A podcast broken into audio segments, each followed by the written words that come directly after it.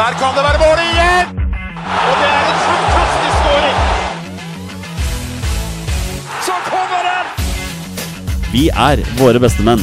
Vi har jo en del vi skal gå gjennom i dag. Skal vi bare, bare kjøre på med episoden vår? Ja, la oss gjøre det. Kjør! Heia Norge. Heia Norge! Heia Norge!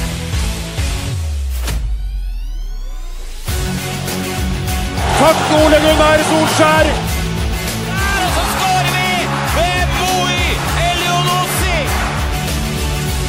Rekdal skyter i mål! Og Norge leder 1-0! Så kommer den! Det er Tariq Elunussi som har sist på den! Martin Ødegaard! Hjertelig velkommen til alle våre følgere og lyttere der ute til det som er tidenes aller første episode 224 av Våre bestemenns podkast om norsk landslagsfotball. Mitt navn det er Jonny Normann Olsen. Med meg her i studio i dag har jeg hverdagshelten fra Bogerud, Petter Hermansen. Hei, hei. Og rabagassen fra Raufoss, Torstein Bjørgo. Hallo! Petter, Vålerenga og Leeds-seier i løpet av en, en dag. Ja, Ja, for en søndag. ja, for en søndag. Fantastisk. Det er Hvor, hvor ofte skjer det at både Vålerenga og Leeds vinner på samme dag? Mm, ja, godt spørsmål. Forrige Ja. Var det forrige helg? Mm. Nei, da spilte Vålerenga 1-1 mot HamKam. ja. Og, og Leeds spilte vel uavgjort? Og Leeds spilte uavgjort. Ja. Så det var ingen av dem som vant, faktisk. Ja. Men helga Men før tar- det var det sikkert Ja, men eh, det er, det er ikke så ofte det skjer. Men eh, ja, det var, var moro. Leeds var jo outstanding. Ja, jeg, jeg så begge kampene. Ja, Vålerenga er ikke så outstanding, men eh, jeg, det er litt sånn Vålerenga vinner 1-0, men det er litt sånn bismak når liksom, det er 40 meter offside. Det er rimelig åpenbar offside Ja, der. det, og det, den er, den er så, den er så, det er så dumt med sånne skåringer, syns jeg. da Jeg er litt eh, fan av at ting skal være fair. Så, så akkurat den skåringa irriterte meg litt. Selv om det selvfølgelig var en viktig seier for Vålerenga. Men for meg var det en klassisk 0-0-kamp. Ja. Ja. Så du, nå vil vi ha VAR neste år. Jeg vil jo egentlig ikke det. Nei, ikke jeg Men jeg, jeg synes den der er så, den er så åpenbar at den bør jo faktisk en assistentdommer med to øyne se. Ja. Så ja Du trenger egentlig ikke var på den der, men så gjør du det allikevel. Og Leeds United States of America ruller videre. Ja, det var, ja, det var enormt. Det var, det var, ja, det var så gøy å se på Leeds og Brendan Aronson og Adams og disse gutta dine, amerikanerne dine. Det er jo Ja, som er, ja, ja. Jesse Marsh eh, var jo helt i fyr og flamme på sida der. Og nei, det var utrolig gøy. Så um, vi får se hvor lenge det varer. Ja. Fra to seire til eh, dessverre, Torstein, to tap. Mm. Raufoss og Liverpool-tap. Det Ja. skjer ikke ofte Det er derfor jeg tar uavgjort som seier nå. Det vet du, bare poeng, så er jeg fornøyd. Eh, men eh, nei, det har vært dårlig stilt akkurat nå.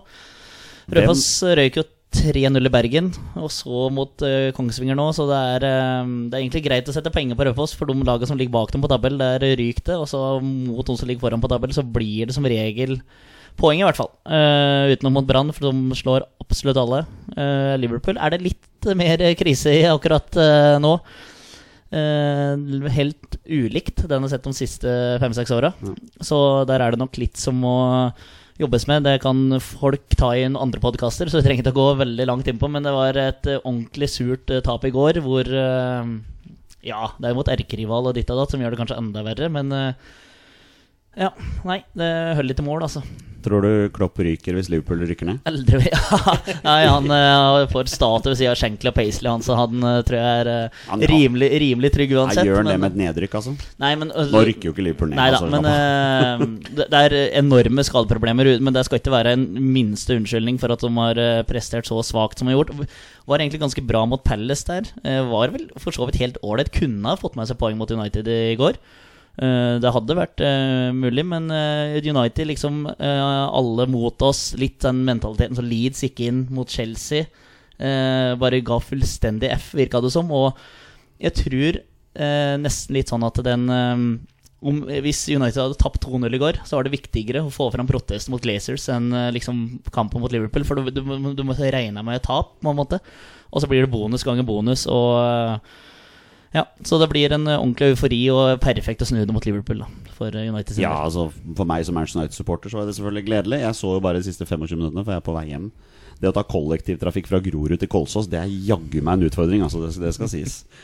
Eh, observante lyttere legger kanskje merke til at jeg er litt hes i dag. Det handler jo om at jeg sto og skreik i 2 ganger 45 på bortetribunen på Grorud i går. Når Skeid spilte uavgjort. Men Bryne spilte uavgjort mot Ranheim. Alle spilte uavgjort i Ja, bunn. eh, og Stjørdalsblink 0 mot Sandnes Ulf, det er sterkt. Eh, Så det er fortsatt eh, kamp om den kvalikplassen der, altså. Ja, det er ikke så sterkt. Vi spilte også 0-0 mot Sandnes Ulf for to uker siden. Jo da, jo da men uh, Sandnes Ulf satser Ja. dem. Ja. Men boys, vi har, vi har gjest i dag. Eh, det jo det, det, litt, det, det går noen uker mellom hver gang, så derfor er det ekstra hyggelig hver gang vi har en gjest. Og dagens gjest han har jo da litt over 60 000 flere følgere enn våre bestemenn på, på Twitter. Uh, han er også podkaster i den eminente podkasten La Liga Loca og har bakgrunn som journalist for nettavisen TV 2 og nå frem og tilbake til eh, Dagbladet. Uh, I dag skal vi derimot grave i hans forhold til norsk landslagsfotball. Det er Jonas Jæver. Velkommen, Jonas. Hjertelig tusen takk. Jonas Jæver. Vi sier det på riktig måte. Jæver, jæver, begge er riktig, faktisk. Ja, ja, ja. Det kommer, kommer an på om du er nordpå eller sørpå. Vi er jo sørpå nå, så, men jæver og jæver fungerer begge to. Nordpå, men også med marokkanske aner. Også med marokkanske aner, så jeg er, eh, jeg er eh, nordnorsk av nordnorsk opphav, og også nordafrikansk opphav. Så her er det mye nord. Mye nord. Eh, veldig mye nord. Ja. Til topps hele veien. Men velkommen skal du være. Hjertelig tusen takk skal du ha. Vi begynner, vi går rett på sak. vi Hva, hva er ditt forhold til norsk landslagsfotball, Jonas? Oi. Eh, aller første minnet mitt med landslagsfotball var jo eh, Drillo-isen. Eh, og Flonaldo, som han het den gang. Jeg eh, maste mora mi i stykker på å kjøpe disse her eh, Tore André Flo Umbro-skoa, husker jeg, etter VM i 98. Jeg så aldri den kampen mot Brasil. Nei. Eh, det var fordi jeg var på noe sånn ferieopplegg i, i Arendal, og der hadde vi ikke TV. Så vi hørte alle rundt som så matchen. Jeg tror bare det satt jævlig langt inne for Morheim å gå og spørre om vi skulle gå og se den, vi òg. Men, men det jeg egentlig husker aller best fra det mesterskapet, faktisk, var jo at Norge møtte Marokko. Ja, stemmer det. Og da sto jeg jo med én fot i begge leire. Eh, nå ble jo det jeg holdt på å si heldigvis 2-2, men jeg husker Mustafa Haji hadde lovet Lovet at han skulle score mot Norge, og det gjorde han. Så mm, Han var god i den kampen.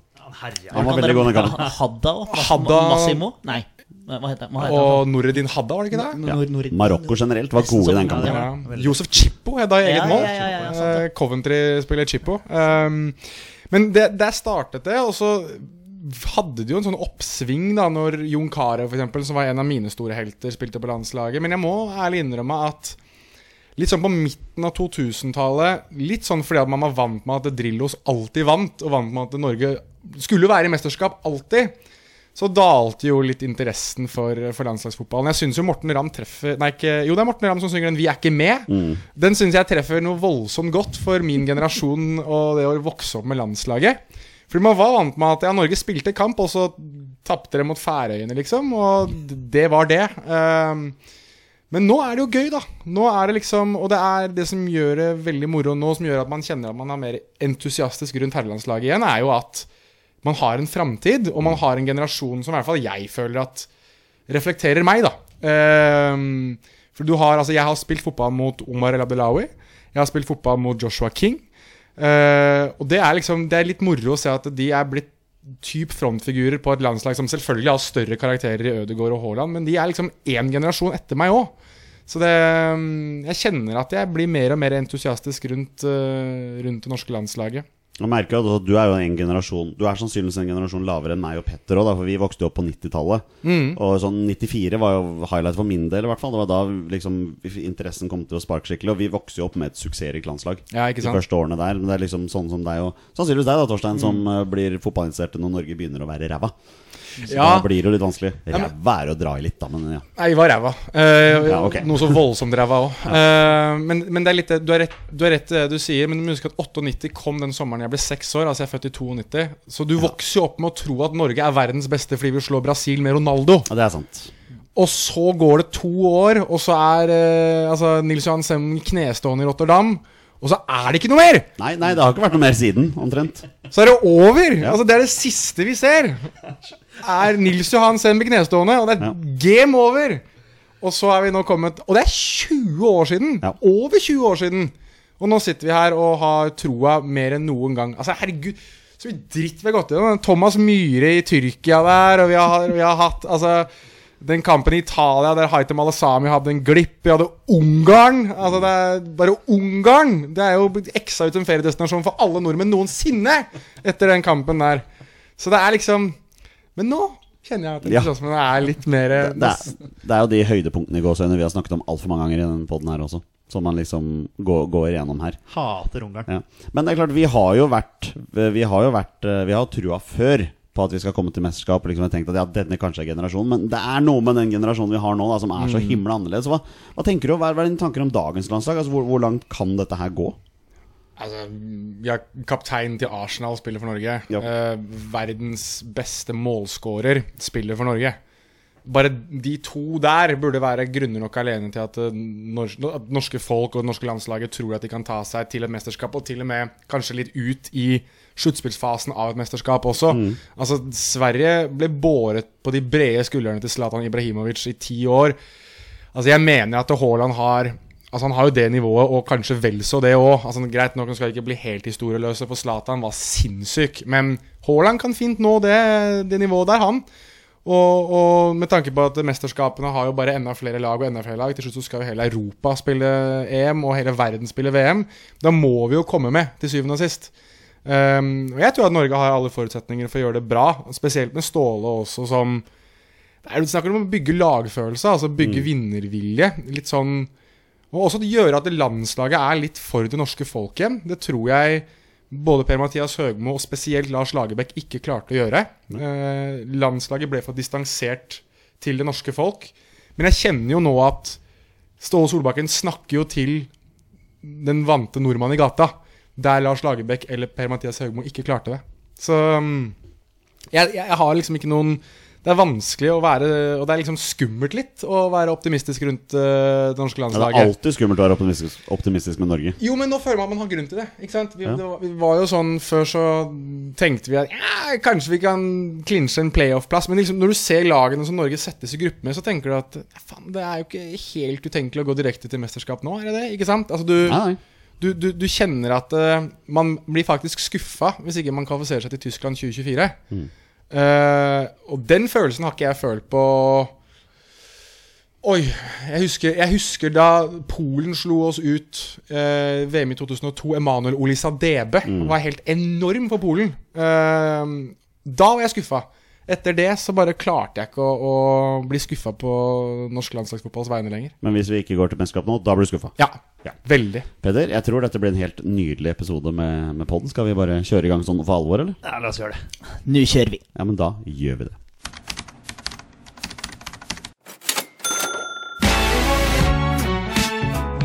Vi durer av gårde for alvor, og vi begynner med noen landslagsnyheter. Petter, Rune Jarsteins kontrakt med Hertha Berlin skal brytes eh, grunnet en krangel med lagets keepertrener. Sportssjef Freddy Bobic sier det er ingen vei tilbake og at kontrakten vil bli terminert, men at de skal ordne opp på en fornuftig måte. Um, hva- har skjedd her? Altså, Hva er greia her? Ja, Vi har jo med Jonas her, da kanskje han har litt inside. Men eh, nei, altså, jeg skulle gjerne likt å visst hva som har skjedd. Ja. Uh, Det er klart at uh, Jarstein slår meg som en type som tør å si ifra. Ja, uh, det er det det første er... som slår meg, jo at han har jo temperament. Det Ja, vet ja. vi jo. Han har roa seg litt, da, for så vidt. Sånn, hvis du sammenligner med ja, Rosenborg-tida der, hvor han drev og kjefta på Erik Amrén og, Mm. og sånt. Men, men ja, nei, jeg, jeg kan se for meg at han også, En såpass rutinert fyr også.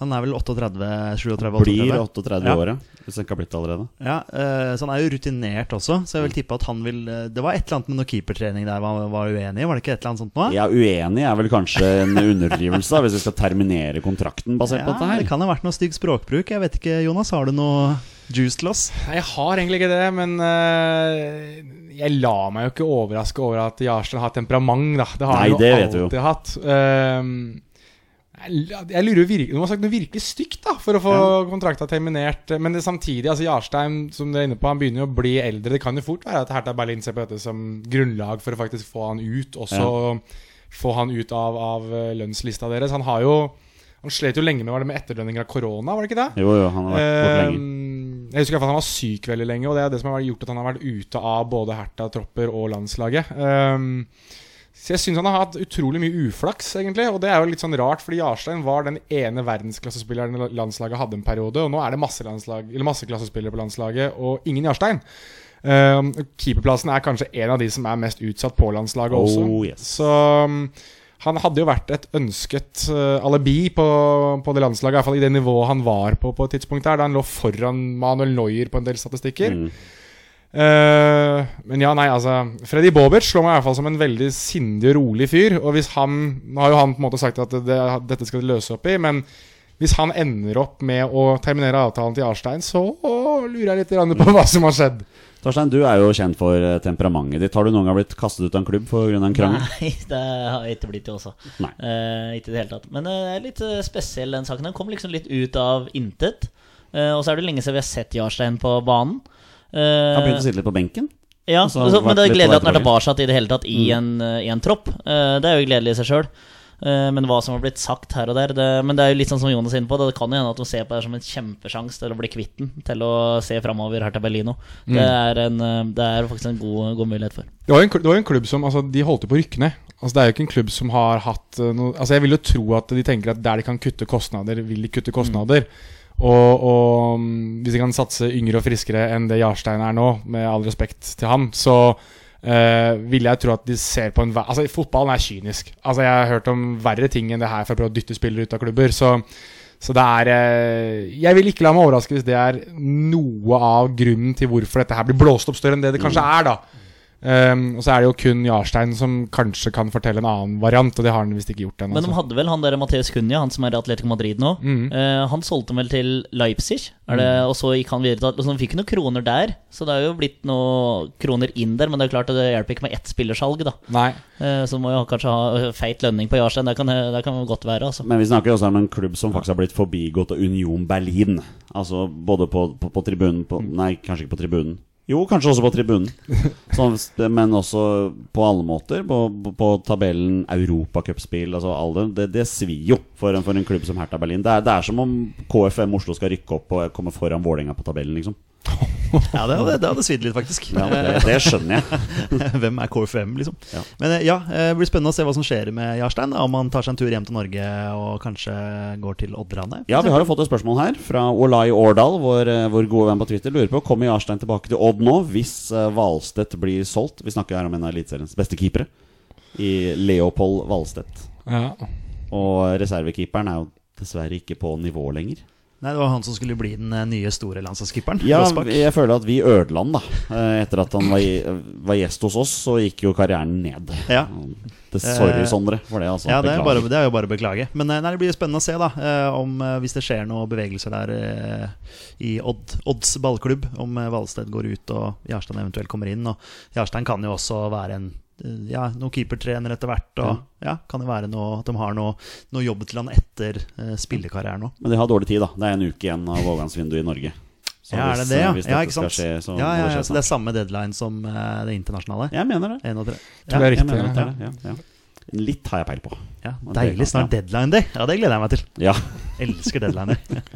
Eh, over til noe mer positivt. da Martin Ødegaard for første gang i sin seniorkarriere siden han var 15 år. Han skåret to mål i samme kamp. Og Det gjorde han nå mot uh, Bournemouth. Første gang siden Martin 15. Første gang siden Martin 15. Det, det uttrykket er bannlyst her i Våre bestemenn. Sånn, ja. Ja, men uh, ok, da skal jeg huske på det. nei, Men det er jo riktig, da. Første gang siden Martin Siden 15. han var 15, den, ja, ja. Fordi det som, det som er bannlyst, er å fortsatt kalle han Martin 15. det er det som er bannlyst. Nei, det har jeg ikke noe intensjon om. Men Nei, nei, nei, det eh, Martin 23 nå. Men la oss heller snakke om det faktum at Martin Ødegaard, kapteinen, har skåra to mål da Ja. for Arsenal. Og jeg så den kampen, og det var jo lekestue fra start til slutt. Bournemouth hadde virkelig ikke sjans.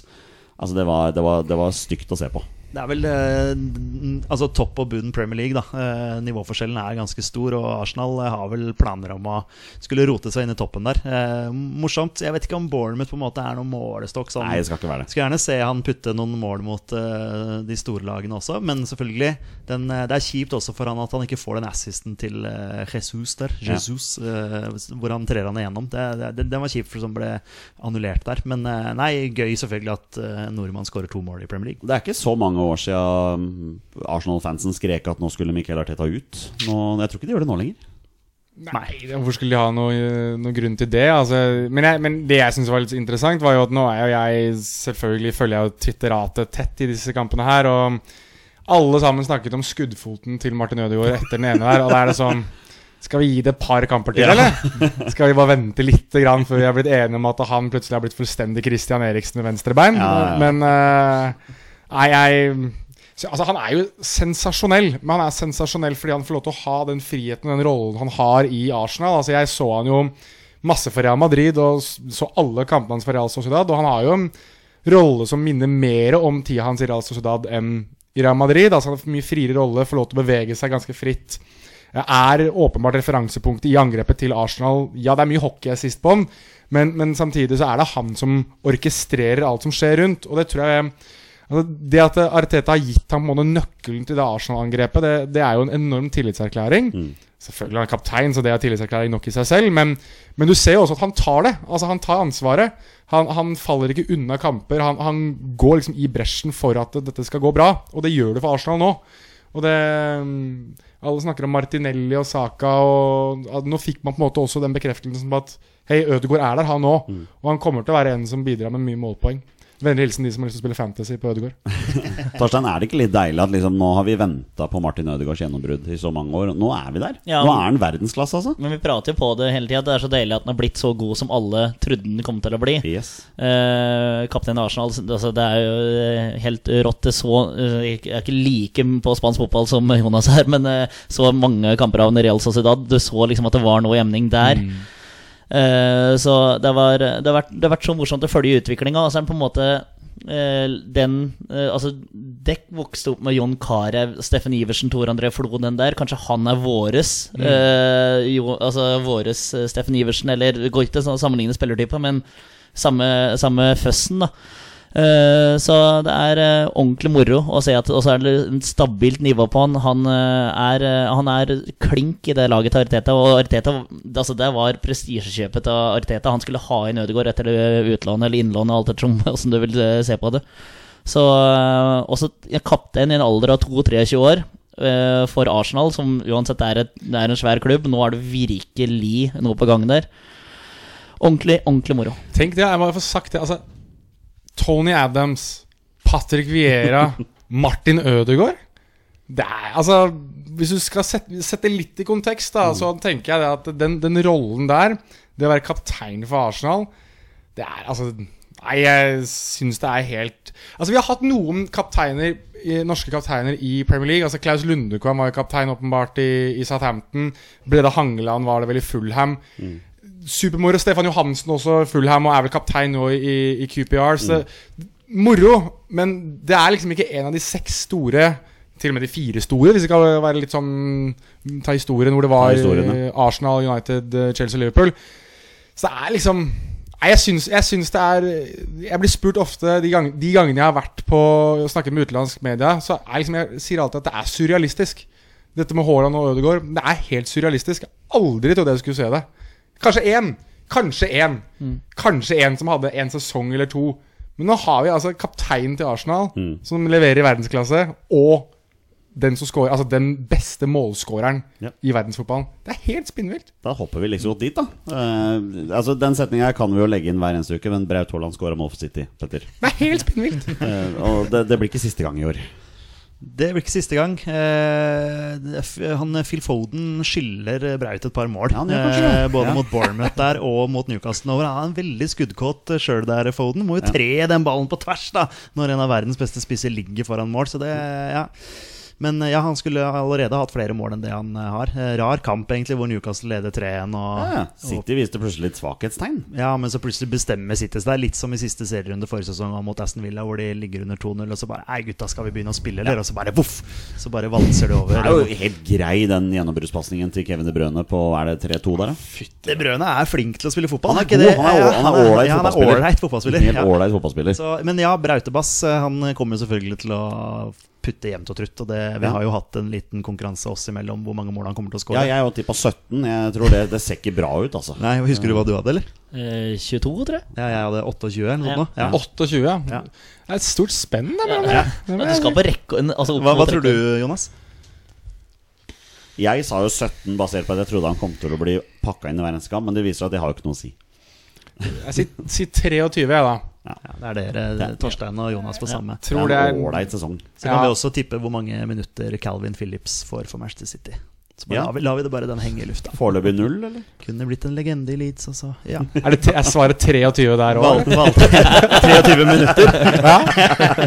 ja, ja, det, ja, nei, da, det var bare litt bitter. Ja, nei, neste. Neste er eh, Hvordan er din portugisiske fotball, eh, Jonas? Oi, den var veldig mye bedre før. Eh, jeg tror jeg vet hvor du skal hen. Um, altså, det er jo også en sykt kul overgang, hvis det er Fredrik Aursnes du skal inn på. Ja, fordi for Fredrik Aursnes bytter nå ut nederlandske Feyenoord med Benfica fra Portugal. Spekuleres en overgangssum på ganske heftig 150 millioner kroner. Vi har jo hatt en diskusjon i chatten vår på Går han egentlig til en større klubb. Eller går han egentlig til en bedre klubb? En større klubb går han sannsynligvis Ja. til. Men går han til en bedre klubb? Ja, de nærmer seg jo Champions League. Ja, De, de vant vel 2-0 i første matchen, tror jeg, i absolutt. playoff. Nå var jo eh, Feyenoord i finalen i Conference League, Ja, ja. Så, så det er jo greit. Det er litt urettferdig mot de med tanke på at Feyenoord, altså Ajax og PSV, har jo, eier jo Champions League-plassen i Nederland. De har vel bare to, tror jeg. Lurer på om Nederland bare har to. Tror det stemmer, men så kan Men si det har jo også Portugal. Men Ja. Benfica er jo alltid en av de, og så er stort sett Porto den andre. Ja, nå har Sporting vært oppe og rota der òg. Men ja, men det er jo, du svarer, besvarer jo et eget spørsmål der. da Altså, Benfica er ute i Champions League og roter seg oppi der. Mens jeg er helt enig med deg, PC og Ajax er de som ligger i, i Nederland. Og jeg vil i hvert fall slå, slå et slag for at portugisisk eh, At nivået på den portugisiske ligaen er høyere enn Nederland. Det vil jeg slå et slag for. Så jeg vil jo si at han går til en klubb som nå er det, altså det, er andre Liverpool-fans her som kanskje kan fortelle meg hvordan Benfica gjorde det på Anfield, men, men, jeg, men når du på en måte gjør det såpass godt som det de gjorde tidvis i Champions League i fjor, altså med, mot Barcelona, også mot Bayern München, hadde tidvis noen perioder der de, der de var gode, så vil jeg vel mene at dette er et kollektiv og et lag som er i hvert fall veldig innarbeida, da. Eh, og jeg skulle tro at de den tid de fremdeles har Gonzalo Ramos på topp der òg, så, så er det et lag som er en ganske Altså ganske mange hakk over det Feyenoord er, i hvert fall slik jeg har sett dem. da Og nå begynner det å bli en stund siden jeg så Feyenoord. Jeg så vel dem sist i den tidligere nevnte finalen, men uh, Jeg syns de var gode der, for så vidt òg. Men uh, Benfica er nok, er nok noen hakk over, og han blir jo også da første nordmann til å spille der siden Caradas, vel? Ja, er det noen andre Bjørn Mars som har han vært for- igjennom? Altså ikke, ikke Benfica, men Portugi... Å, Du sa Benfica, I ja. Benfica, ja. ok, Ja. Da er det vel Ja. bare Caradas, ja. Tror jeg. jeg tror ikke det er så mange andre. Nei.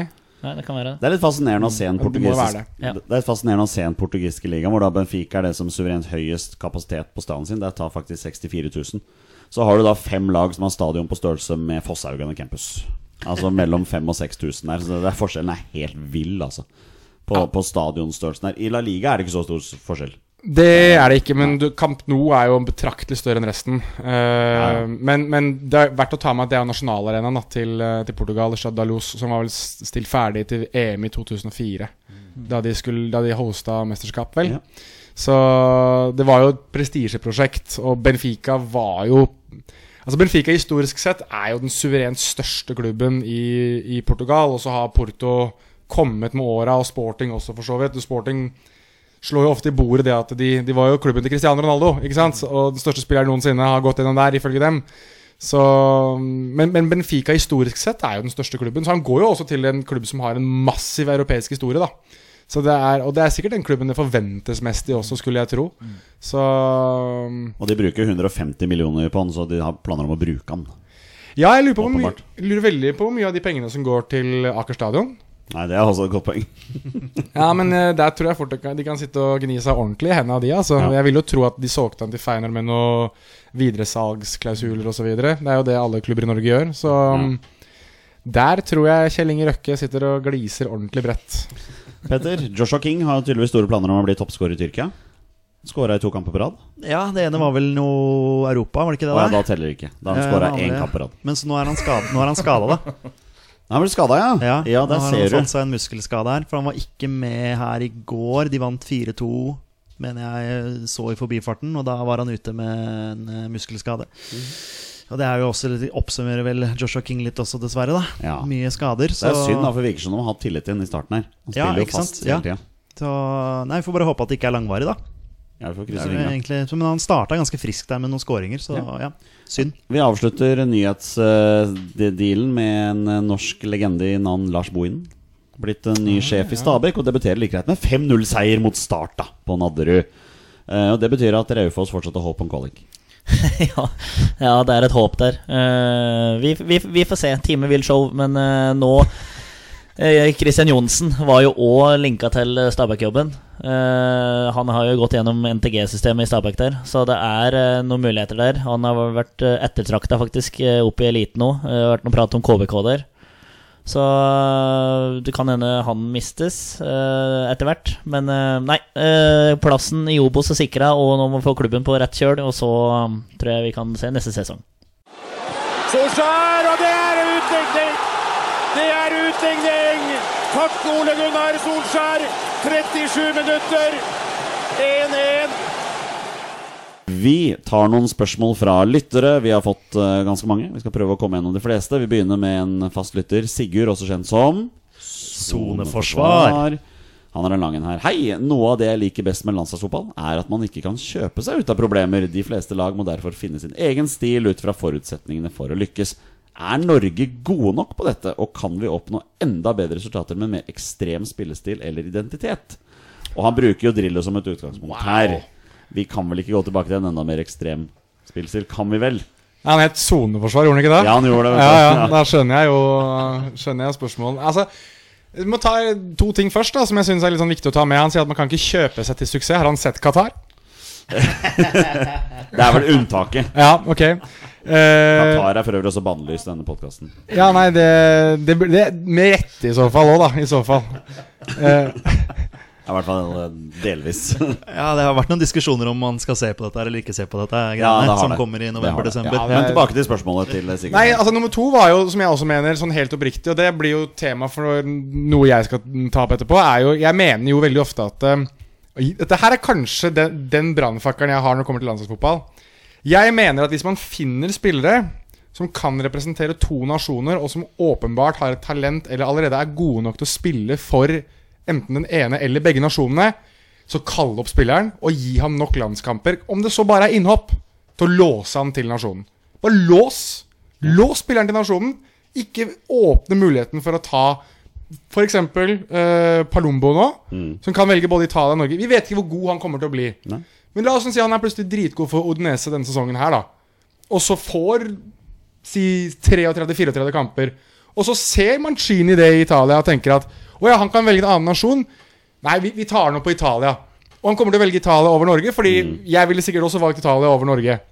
Men hvis Norge da hadde tatt opp Palumbo på A-landslaget og fått han til å spille de tre-fire-fem kampene som gjør at han låses til Norge, så blir ikke dette en problemstilling. Og Sånn mener jeg jo at du potensielt da kan kjøpe spillere. Og jeg mener at eh, Jeg vet at Marokko, som er min andre nasjon, har gjort dette. Altså De har kalt opp spillere bare for å låse dem. Og jeg mener at altså, så, De tingene du kan gjøre som er tilnærmet kynisme i landslagsfotballen for å passe på at du har det beste laget mulig, mener jeg Altså, fair game. Men åssen er det der mellom Spania og Portugal, da? For der er eh, Altså, veit du om noen som Det ikke Spania, Portugal, men Brasil har altså, ja, Brasil Ja, sant? ja. Marco Senna, som, ble, som Ja. vant VM Eller EM med Spania i 2008, er jo brasilianer. Mm. Um, ikke, er ikke er brasse brasilianer. Jo, definitivt. Deko er brasilianer. Han vant jo Vant jo Eller han vant jo Champions League da med Porto. Han, vant jo ikke, han tapte jo finale mot Hellas i Hva 2004. med han der brassen som spilte for Chelsea på topp, som ingen likte? Som valgte Spania? Diego Costa. Diego Costa, ja. ja. Han, han spilte faktisk for Brasil, men fikk ikke flere kamper. Nei. Og valgte så å spille for Spania. Ja, Og fikk ikke flere kamper. Fikk et VM, da. Ja, det er sant. Det Det gikk jo var- ikke så bra, da. Nei, det røk på huet og ræva ut i Ja, gruppespillet. Ja, sant det. Så Kun hans feil, faktisk. Nei. Bare han, og Bare han alene. Ja. Nei, men jeg, jeg Altså, det jeg tenker er det viktigste med landslagsfotballen Og akkurat her mener jeg Lars Lagerbäck gjorde veldig mye riktig med Island. At du må Jeg mener ikke at spillere skal ha klippekort, men jeg mener at du må bygge en stamme i et landslag som gjør at det- landslaget er gjenkjennbart for de som spiller på det landslaget. Og, og det kan du gjøre ved å ha et hierarki, at det er visse spillere som kommer med, basert på hvem de er. Men også at du sper på med spillere som har en god periode. Jeg syns det er gøy at f.eks. Ståle Solbakken henter inn spillere som gjør det bra i Eliteserien. For da skaper du den konkurransedyktigheten i et landslag som gjør at eh, prestasjonskulturen går opp.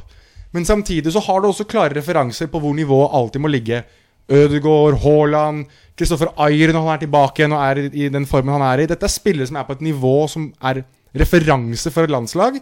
som spillere i Eliteserien, belgisk fotball, nederlandsk fotball, som kanskje ikke er på det nivået, alltid vil strekke seg etter. Derav så vil du alltid ha konkurransedyktighet i et landslag og, mu og muligheten til å skape en prestasjonskultur internt i noe som skal egentlig være et meritokrati, men så blir det noe mellom det å være et rent hierarki og et meritokrati. Ja, godt tenkt. Fasit. Ja, ikke sant? Fasit, ja. Det er gøy det der med, som du nevner, med landslag, landslag som bare stjeler en spiller før det andre landslaget tar den. Ja. Det er jo sikkert. Altså, jeg vil tro at uh, Er det Pakistan da som er skuffa over at Gyasaid fikk det innhoppet for Norge?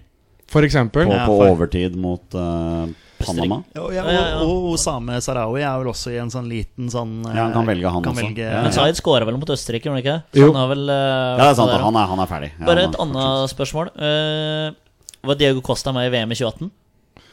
Eh, Eller var det 2014 de røyk i? For de røyk mot Russland på straffer i 2018. 2014. Han Da, var med, det var da han var Ja, med. de ble pissa på av Nederland. Ja, og. Chile, for så vidt òg. Ja, når de røyk der, ja. Ja. sant, Du vet, du vet at USA er jo mitt andre fotballandslag. Mm. Det visste jo ikke du, men det er jo mitt andre Kult. Fotballandslag. ja, ja, ja. Eh, I VM i 2014 så stilte de med en islending på topp.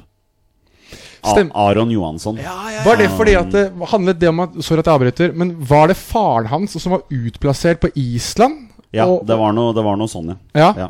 Og Det skal ikke mer til. Nei, men jeg, jeg tror helt Og nå må jeg passe på så jeg ikke fornærmer noen her, men jeg lurer på om han er et resultat av et one night stand. Og at det er det som gjorde at han kvalifiserte begge nasjoner, da. Vi tar neste spørsmål. Eh, Nei, men jeg leste noe om det. Jeg er ganske sikker på at jeg leste noe om det. det er mye mulig. Ja, det er helt sikkert. Det var samme med Bjørn Mars Johnsen, var det ikke det? Vi tar neste spørsmål. Eh, Det kommer fra Norgefutt. Eh, Hvilke posisjoner på landslaget er størst behov for nye spillere, og hvilke unge spillere kan fylle disse posisjonene? Hvis vi snakker om ca. ett til tre års perspektiv. Vel, du har jo allerede snakket om keeperplassen, men det er jo egentlig ingen unge som vi ser for oss. Jo, Mats Henstad Christiansen. Hedensen, og Claesson. Ja, men han må begynne å spille med 1-23 ball Ja, men vi ser 23-ball. vel for oss at det er noe potensial der. Men jeg må faktisk si det at jeg syns han Magnus Sjøeng virker overraskende trygg. Ja, han er så rolig. Trygg og rolig. Ja, veldig. Ja, Hatt et ja. par gode redninger, og Ja, ja. ja han er, blemmer ennå. Nei, ikke som har blitt kostbare, kanskje. Nei, ikke men- ikke har blitt kostbare. Der er forskjellen på Han han har på sånn nesten ja. Ja, nei, han eh, Ja, virker lovende. Jeg Det er vel- på han. det vet jeg. Hvis jeg snakker om hvilke unge spillere som kan fylle posisjon, så er det jo Mats Sensa Christiansen i løpet av et par år. For keeperplassen vår er jo in big, big trouble. Absolutt. Vi snakka jo litt om Claesson nå sist. Nå hadde jo Jesse Marsh et intervju med Var det Jonas Berg Johnsen da, Torsegutt, hvor mm. han fikk spørsmål om Gjelde og Claesson, og da sa han jo det at eh, For Leeds henta jo inn Robles eh, som en tredjekeeper, da hvor da Claesson fortsatt er tiltenkt rollen som andrekeeper. Og hvor han da ikke Claesson skal ikke lånes ut, så da, da vet vi i hvert fall det at Claesson er på en måte nestemann på blokka hvis eh, Ilan Melier blir skada eller suspendert. Så da, da vet vi det, da. At Claesson fortsatt er den andre keeperen til Leeds. Og, og, og Melier er jo en attraktiv keeper òg, så det kan jo skje ting der. Men vi vil jo ikke ha han som andrekeeper. Nei, se- selvfølgelig ikke. Det, vi vil jo selvfølgelig at han skal spille. Og, og jeg håper jo det, sånn som i morgen så spiller Leeds mot Barnsley i ligacupen. Da håper jeg jo Claesson får spille. For det, jeg, jeg ser for meg at Jesse Marsh er litt mer sånn Han rullerer mer enn hva Bielsa gjorde. da Bielsa var veldig sånn Skulle spille med samme elveren omtrentlig hele tiden, og det var vel det de som ble hans uh, avskjed, holdt jeg på å si. Det er jo det Kjetil Knutsen gjør i Bodø-Glimt. òg. Ja, ja, Rullerer jo aldri veldig uansett. lite rullering. Dinamo Zagreb bytta ut hele elveren sin i seriekamp i helga. Men vi vil jo Bodø-Glimt stilte de samme. ja, ikke Ja, sant? ja. Men hvis vi går tilbake på det med posisjonen, da, så, så vil vi jo ha en høyrekant. Ja. Vi Sander Berge har jo begynt å spille bra på en form for høyrekant i Sheffield United. Ja, jeg, jeg, jeg er veldig svak for innoverkanter, da. Ja, så jeg håpa liksom at Dønnum skulle ta den der, men han har jo vært helt, eh, Helt borte. Og det ser jo ut som Ronny Deila sliter litt i standarden òg. Ja. Uh, Jeg tenkte jo Ola Solbakken. ja, ja, Potensielt. ja. Nå er han jo skada da, og litt sånn ut av det, og skal vel til et eller annet sted. Napoli eller Roma? Ja. Ja. Det, er, det, det er karrierehopp. Det Ja, jeg, veldig stort et. Ja, jeg, uff, det er et kjempekarrierehopp. Jeg håper jo at det Altså Det er jo veldig mye av den diskusjonen er jo den der kunstgressfotballen som de spiller i Bodø, om den er overførbar. Det er jo veldig få av de spillerne som har vært i Bodø-Glimt, som har gjort noe sånn utmerket godt andre steder, da. Jeg var helt sikker på at Patrick Berg bare skulle blende ligaen. men det, Det er jo jo også fordi han har levert for landslaget, ikke sant, Patrick Berg. Og da har de jo spilt på gress. Ja. Sånn, så jeg, jeg, jeg, men jeg er helt enig med deg. Jeg trodde også han skulle bare ta det der med en gang. Og det er en strøken Segway inn i neste spørsmål fra fotballrådgiver, som lurer på fire av fem norske spillere eller hvor han får det tallet fra, eh, som forlater Eli- Eliteserien, havner enten på benken, blir lånt ut eller kommer tilbake til Norge etter et kort opphold. Hva er greia her, og hvor ligger feilen? Vi har, vi har ikke så god tid. Skal vi ta tre minutter på dette? på dette Thomas Lene Olsen han skal fram til her, eller? Ja, han er tilbake igjen nå, da. Han er landslagsspiller, han. Han fikk, fikk et innhopp i Nederland. Halvt år i Saudi-Arabia. Skårte ni mål på 20 kamper, da. Ja, sikkert fått seg noen gode penger òg, tenker jeg. Helt sikkert på et halvt år. Ja. Men hva er greia?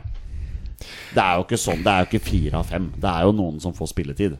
Isak Mette, eller hvordan man uttaler etternavnet.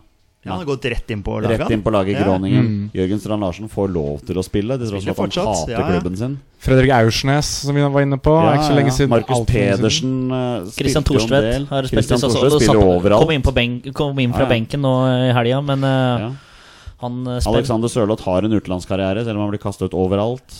Ja, hvor er han nå? Han er i Han er i. Leipzig. Han. han er fortsatt der. Men han ble ja. ankelskada mot eh, Liverpool faktisk i treningsmatch, så han var, han var ute en måneds tid da. At han er en sånn spiller som er for god for de der litt lavere ligaene, og så er han for dårlig for de beste ligaene, virker det som. Og det er så utrolig synd, for at det, han Det bor så mye fotball inn. Og han var så på gang nå i Real Sociedad også på slutten av sesongen. Der var han ordentlig bra. Og så er det rett tilbake til Leipzig, der, selvfølgelig. Ja, ja. For når han er i gang, så skal han jo selvfølgelig ikke få lov til å opprettholde det. Er så, jeg synes så synd på han når det kommer til akkurat det der. Det er fascinerende hvor mange land han har spilt fotball i.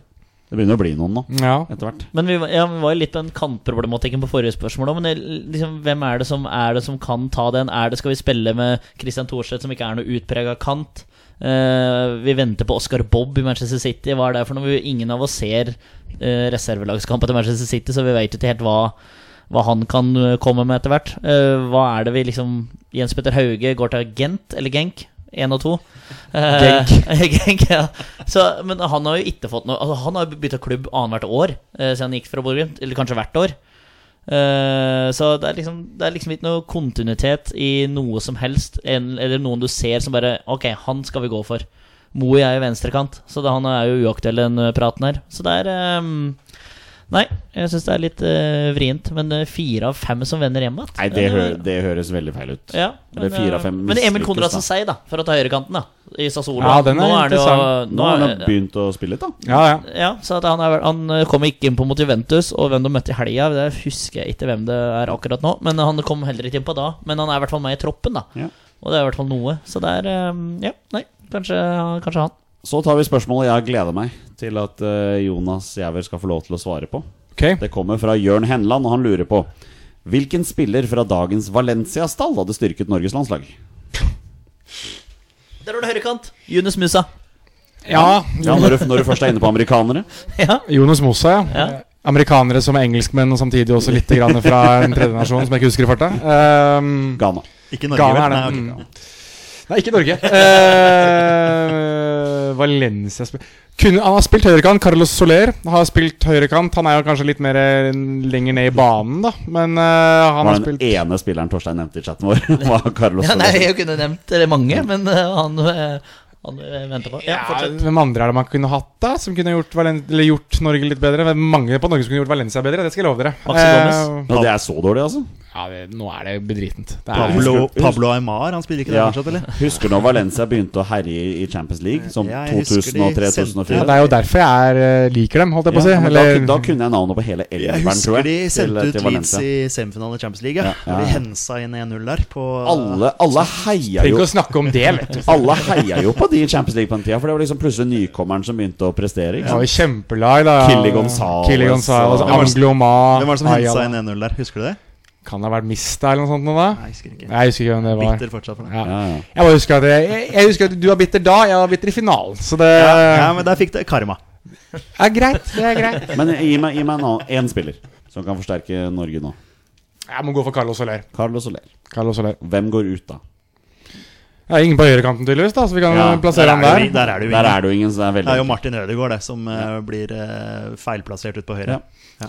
Alexander Finstad med spørsmålet vi alle venter på. Hvor store mulighet har herrelandslaget til å kvalifisere seg til fotball-EM i 2024? Det avhenger litt av hvordan vi gjør det i Nations League. For Nations League kommer til å avgjøre hvilken seeding vi får. Og hvis vi nå vinner gruppa vår, så blir vi andre sida. Og det har faktisk potensielt veldig mye å si. Ja. Og gruppetrekningen er i oktober. Den er i oktober, så det er ikke så lenge til, Det er ikke altså. så lenge til det. Det blir spennende, altså. Det blir utrolig spennende. Hvor er vi nå da, holdt jeg på å si? Er vi A, B, C? Hva er det vi er for noe? Nå er vi C. Nå Ja, er ja. nå er vi tredje side. De to beste i hver gruppe går da til EM. Ja, det vet jeg. Og hvis vi da blir andre sida, så slipper vi ganske mange kanoner. Riktig. Ja, men, da, men hvis vi er på nivå C Ja, nei, altså det Det er jo fortsatt mulig hvis vi er nivå Selv om vi er på nivå C, så, så kan vi jo fortsatt trekke pff, Sverige, da. Vi kan jo ha litt flaks og møte Sverige. Sa du ikke vi skulle møte kanoner? Var det ikke det du var inne på her nå? Ja, vi kan være uheldige og møte Danmark. Ja, Vi vil jo ikke møte Danmark. Danmark er verre enn Sverige. 100% Ja, jeg vil si det. Per 2020 altså, Jo, jo. Beklager, det vil jeg si. Kasper Hjulmanns Danmark, ja. Hold, hold oss unna dem. Ja, de, er, de er gode. De er jævlig gode. Så vi sier at uh, svaret på spørsmålet er Vi spør igjen etter Nations League-avslutningen. Ja, men Sjansen er stor, vil jeg si. Ja, det, vi satser på det. Jeg håper det. Neste spørsmål fra Sammen sterkere. Eh, morgendagens kamp mellom Dinamo Zagreb og Bodø-Glimt skal dømmes av Antonio Lahoche. Eh, hva kan vi vente oss av han, Jonas? Mye kort. Åh, Antonio Matteo Laos, der kan du vente deg noe jævlig til fakter. Det er så mye fakter. Det er så mye kroppskontakt, det er så mye klemming, det er så mye Det er så mye, det er så mye fors... Altså, han, han kan, han kan bokstavelig talt bruke fem minutter på å få et frispark til å gå. Ja, Altså, han, han skal spraye, det er jo hva skal, skal snakke litt, grann, skal si at 'jeg blåser i fløyta', du må vente på meg, opp og skritte opp muren, du skal stå her, litt grann spray. Var det noen som flyttet seg fra muren? Spray opp en gang til, flytt dere inn. Si fra igjen om at 'jeg blåser', da kan du skyte. Keeper står på strek, det gjør du, den er grei. Titt! Og så går frispark over.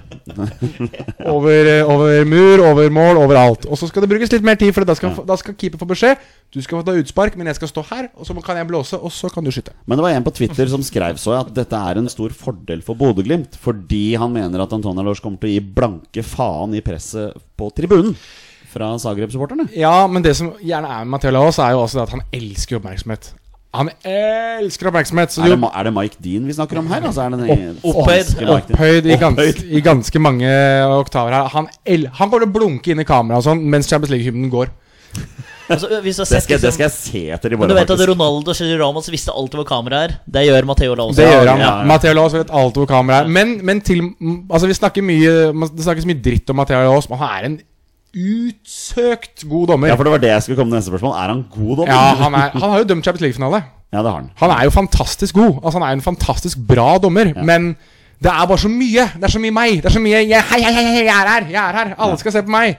Det er det som er irriterende med Matheo Laos. Men han har jo liksom dømt El Clásico, han har dømt finaler. Han, han har vært i heksegryter før, da hvis vi kan kalle det for det. Så det er ikke sånn at vi får en dommer som kommer til å bukke under for noe press. Nei.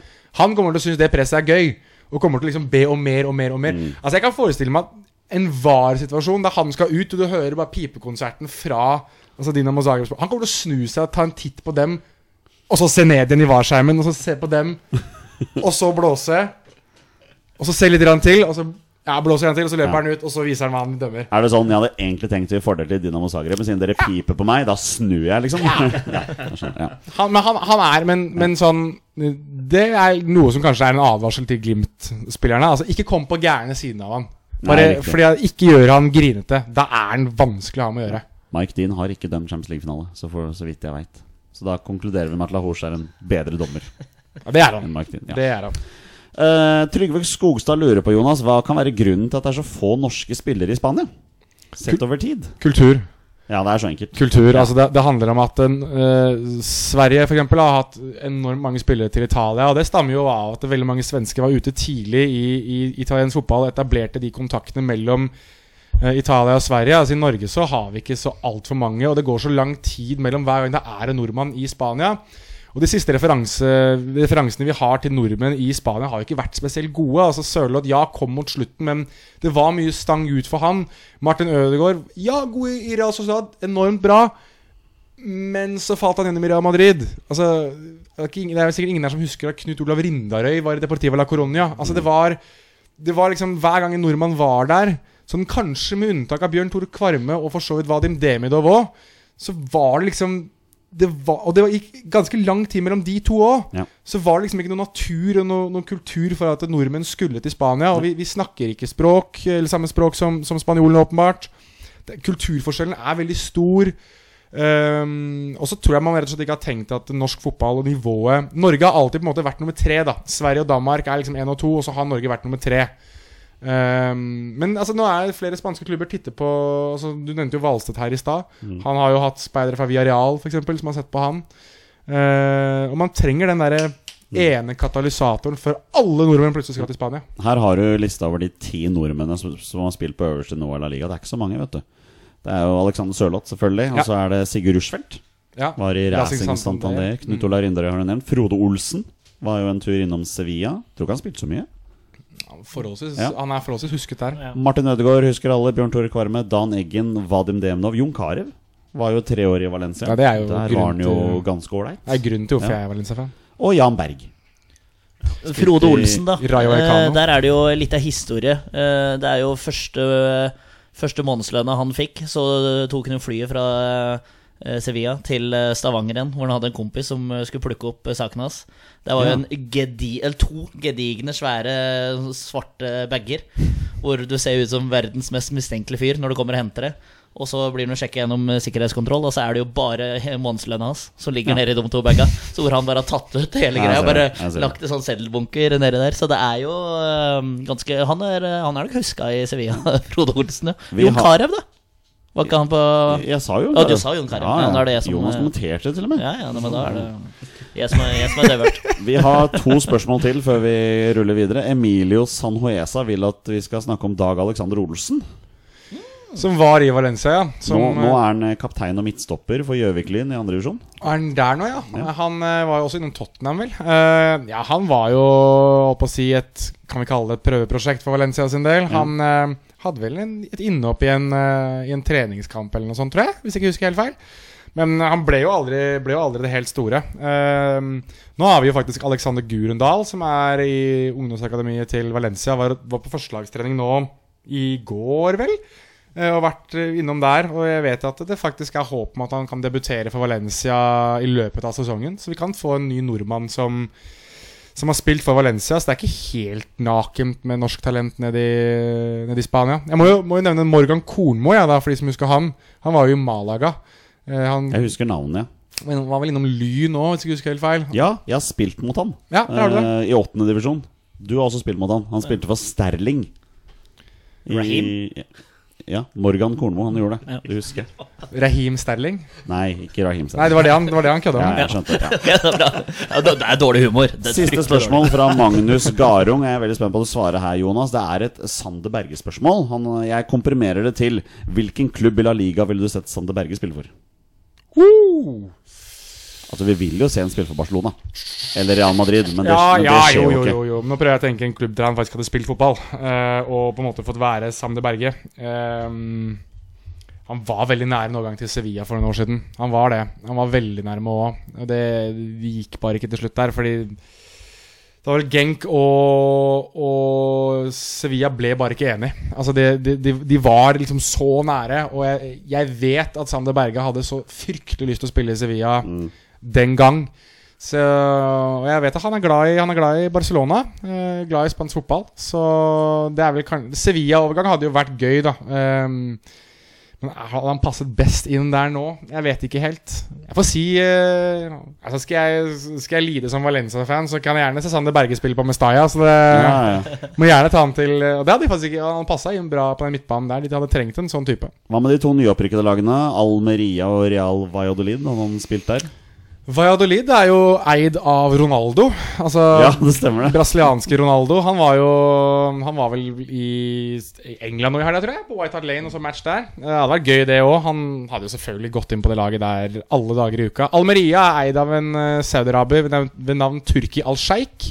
Så med mindre han har lyst til å være en del av uh, det der sportsvaskeprosjektet som Almeria holder på med, så Jeg registrerer at de spiller på Power Horse Stadium. Det er helt riktig. Nytt av året, det. Hva Power i Horse all Stadium. verden? Det er eh, Ja, det er jo sponsornavn, selvfølgelig, men eh, Det er li ligaens tredje minste stadion. Tar Ja. 15 000. er, det er riktig, det. Altså. Det er en ganske fin stadion nå, for så vidt. Eh, Men uh, ja, Power Horse Stadium der, altså. Mens den største er jo da selvfølgelig Spotify Camp Nou, som den nå heter.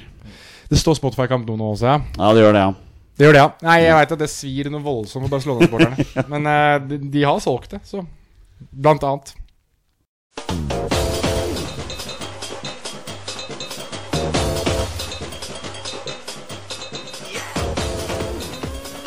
Dette er Drømmelaget. Det er på tide å besøke en spalte vi ikke har besøkt på evigheter, og det er da Drømmelagsspalten. Og det passer bra vi har en gjest, og det er deg, Jonas Jæver, som har satt opp et drømmelag. Og det eneste kriteriet er at det må være en eller annen form for relevans til norsk landslagsfotball. Ja. Har du, har du mekka mot oss? Har det, altså. Uh, og vi- vi var litt inne på innledningsvis mitt forhold til landslagsfotball. Og det er jo eh, litt det med at Norge møtte Marokko i, i 98. Og jeg har liksom alltid tenkt det. Hadde jeg vært dritgod i fotball, og jeg hadde hatt muligheten til å spille for Marokko eller Norge, hva ville jeg ha valgt? Altså Nå har jeg alltid endt på at det hadde vært eh, Norge. Men det er jo noen som har tatt det andre valget, da. Og valgt en annen nasjon. eh, og eventuelt hatt muligheten til å velge Norge, men valgt å ikke gjøre det. Så jeg har da satt, uh, satt meg ned og drodla opp spillere som i formasjon 4-2-3-1 som har spilt for en annen nasjon enn Norge. Noen av disse har kanskje ikke hatt muligheten til å spille for Norge, men har representert andre nasjoner. Men uansett, dette er nordmenn som representerer andre nasjoner. Kult. Kult. Kjør på. Så i mål, der har jeg da Adam Kvarasai Larsen. Ja. Som uh, har valgt å spille for Ghana. Jeg vet ikke om Norge noen gang var aktuelt for ham. Men, men han, uh, han var i hvert fall god nok for Ghana og spilte VM i Afrika i 2010. I, i 2010, ja. ja. I, i Sør-Afrika. Uh, Høyrebekk, der måtte jeg eh, Der måtte jeg kjøre Nohami juksa litt. Uh, fordi eh, denne spilleren her er jo forsvarsspiller, men er jo ikke høyrebekk. Sheriff Sinjan har jo allerede Spilt for Gambia. Helt riktig. Ja. Jeg tror han har hatt fire eller fem landskamper for Gambia. Og da er jeg litt usikker på om han kan vende tilbake igjen til Norge. En som ikke kan, i hvert fall som jeg tror har over 80 landskamper for Luxembourg, det er Lars Krogh Gerson. Han eh, Kongsvinger nå? Ja, var- han i Brann en liten Ja, han han var i fikk jo ikke spille, for han var skada hele veien. Ja. Så kom, kom, så kom han innpå et kvarter, og så ble han skada, og så ble Ja, han bytta ja, ut. var eh, ja.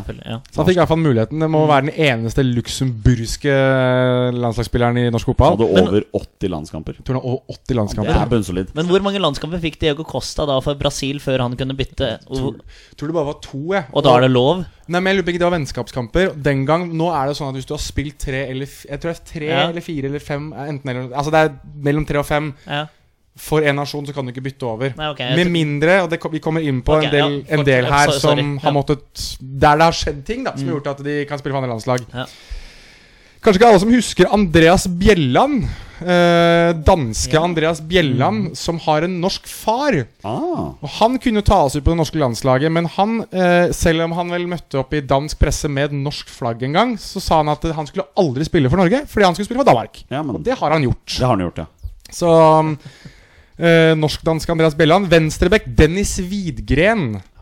Han har vi vært innom her før. om, Han har. Han har dere helt sikkert prata om. Han, eh, vi, Lars Lagerbäck ville jo ha ham på det norske landslaget fordi han hadde enten norsk far eller norsk mor. Ja. Eh, og han vil, valgte jo selv da å ikke representere Norge fordi da måtte han levere inn det svenske passet sitt. Var vel det som ble rapportert, tror jeg. At det betød altfor mye for ham det å ikke lenger skulle være svensk, men skulle være norsk. Det var når han spilte for Østersund, det. Når Østersund var så gode. Hed, under Ja. Graham Potter. Ja, han spiller for IK Sirius nå. Ja, burde kanskje valgt det norske landslaget, men hei. Eh, to på midten. Valon Berisha. Ja, han har jo spilt for Norge. Ja, men den er, det er derfor jeg sier at den Ja. her er litt interessant. Ja. Fordi der hadde han ikke muligheten til å spille for Kosovo. Fordi Kosovo var ikke en nasjon da han spilte for Norge. Nei. Dette var jo det som var eh, den enigheten mellom Veton og Valon, at den ene skulle spille for Norge og den andre for Kosovo. Den gangen så mente jo alle at der kom Norge dårlig ut ved at vi fikk Veton. Og så viser det seg at, at Veton ikke er så altfor dum, han heller. Så det, det har blitt en form for lykkelig slutt. Men Valon Berisha var jo koblet til Liverpool og var jo en helt enorm spiller. Men strykes da uh, Sorry at jeg avbryter igjen, Jonas. Nei, men, men, men strykes da landskampen han har for Norge, når Nei, det kommer nei, opp en ny nasjon? nei, nei, de er jo der. Ja, ja, Ja, de er der uansett. Det Ja. som var spesielt med uh, da Kosovo kom opp, var jo det at det er jo tonnevis av Kosovo-albanere rundt omkring i hele Europa. De fikk alle muligheten til å spille for en annen nasjon. Altså det var, det var mulig, Ettersom det var en ny nasjon, så var det et, en hjemmel i lovverket som gjorde Ja. at de da kunne representere den nasjonen istedenfor, så lenge de da hadde mor og far eller eventuell fødsel i den nasjonen. Og det er det ganske mange som har hatt, som har, har beveget seg da over eh, Selv om de kanskje har spilt 40-50-60 landskamper for Sveits eller Østerrike, så har de valgt å spille for Kosovo i etterkant fordi de ikke har hatt muligheten til det Ja. før. Ja. Så det går jo f.eks. for, for Herolin Sjala, som er mannen ved siden av han på midtbanen. Herlin Sjala valgte jo å si nei til Norge for å spille for Albania først. For det var jo det nærmeste man kom. For Kosovo hadde jo ikke noe lag, så da var det jo Albania som var det nærmeste. Og Herlin Sjala sa jo nei til Norge, selv om Norge vel prøvde å kalle han opp eh, til en landskamp. Uh, og har valgt å spille for Albania, og siden også Kosovo. Så han har faktisk spilt for både Albania og Kosovo. Å, det er jo interessant. Så har de løperekka foran der. uh, og der har vi enda en fra Kosovo. Det er Berzan Selina på høyrekant. Og den, er jo, den historien der er jo Det er mange varianter av den. Uh, U21 uh, hypa superstjerne Berzan Celina, som var en av de mest utpregede ungguttene i Manchester City. Ja. Som liksom kom i skyggen av Martin Samuelsen og Martin Ødegaard. Uh, og så valgte å spille for Kosovo fordi han ikke fikk spil spilletid for Norge. Spiller nå for Dijon i fransk andredivisjon. Bytta han ikke klubb igjen nå? Jo, han bytta vel nettopp nå. Så han dro til. Tyrkia? Ja, han, var på lå- ja, han er på lån i Kasim-passa, det stemmer det. Ja, ok. Det det det Ja. står her nå. Ja. Mm. Ja. For Eh, en strålende karriere. Venstrekanten hadde kunne hatt en mye mer lovende karriere enn det han fikk, dessverre pga. veldig mye skader. Mattis Bolli for, for Åh. Elfenbenskysten. Og det må jeg bare få sagt dere. Det er en av de rareste greiene jeg noensinne har sett. Altså, Du har liksom hatt eh, Didier Drogba, Yaya Touré, Colo Toré, Seredier, Gervinho Og plutselig så bare ser du i samme startoppstilling Mattis Bolli! Plutselig dukker han opp ut av intet. Der er Mattis Bolli. Fem kamper for Elfenbenskysten, ser jeg. Jo da, og han var Jeg husker at han, han var jo kjempepopulær fordi Altså Han ble jo litt kjent fordi han var den kjappeste spilleren på Fifa ganske mange år. Stemmer det. Uh, og det er jo mange, mange som mener at det var derfor han ble kalt opp på landslaget til Elfenbenskysten. Han var jo en forholdsvis god spiller òg, og nå har liksom karrieren blitt tatt av skader. Han har ni kamper for Molde i år, faktisk. Ja, for Han er fortsatt i Molde. Ja, Ja. sikkert alle som innbytter, da. Ja, det regner jeg med. Det. Det skulle han vel tro. Han er bare 31, altså. Han blir 32 nå i november. Det er så mye skade på han, altså. Ja, ja. Det er utrolig trist. Uh, en som det ikke har vært så mye skade på, men som har en sånn litt sånn Flytende karriere, kan vi kanskje kalle det. Uh, vi var jo inne på én Manchester City-spiller tidligere. Her er det en annen enn Mikkel Diskerud. Mix! Miksegutt som uh, har spilt for USA. Uh, liten personlig historie der. Jeg, uh, USA i VM i 2010 Ja. hadde jo Diskerud med i troppen. Nummer ti, Diskerud. Antall kamper det mesterskapet null. Yep, det. Antall drakter jeg kjøpte med ti Diskerud på ryggen én. Der satt jeg altså USA-kamper med ti Diskerud-drakta mi. Han spilte ikke et minutt! Så den irriterte meg. Bomkjøp der, altså. Men jeg har den Diskerud-drakta ennå. Et eller annet sted. Kommer aldri til å se dagens lys. Har har faktisk 38 kamp for USA. Ja, Og ingen av de var i det VM-et! Nei, det, det stemmer. Det irriterte meg. Bob, Eh. Bob Bradley sverga til samme elver i hver kamp etter kamp. Han i det mesterskapet der. Og i alle elverne var Nei, Michael Bradley. Klinsmann, sier jeg. Unnskyld. Klinsmann var det. Ok, ja, Michael, Brad Michael Bradley spilte under Bob Bradley hver kamp. Ja, det gjorde han. Ja, Og Klinsmann. For så vidt han òg. Ja. Eh, da har vi én igjen, og det er spissen. Og jeg lekte litt grann med Breck Shay her, altså for de som husker han. I know, I know. Ja, med, med sine norske aner. Men det ble ikke Breck Shay, altså. Det ble Niklas Castro. Som, Ah. eh, som har spilt for Chile.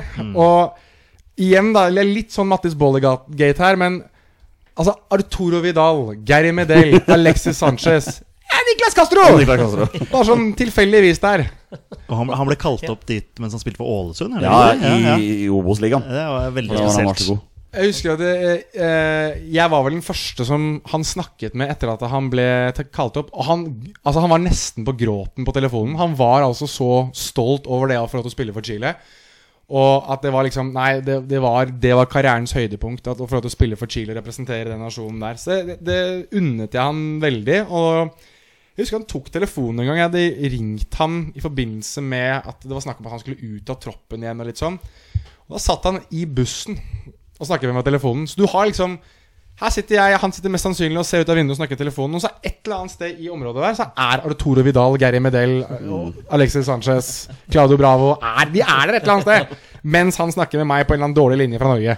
Så det, det, det husker jeg at det synes jeg var litt interessant. At han tok telefonen der. Helt ålreite spillere, da. For et utrolig kult lag. Altså Det laget Det der kunne jo gjort det ganske bra. Ja. Ja, det vil Ja. jeg si. Absolutt. Så takk for laget. Takk, takk.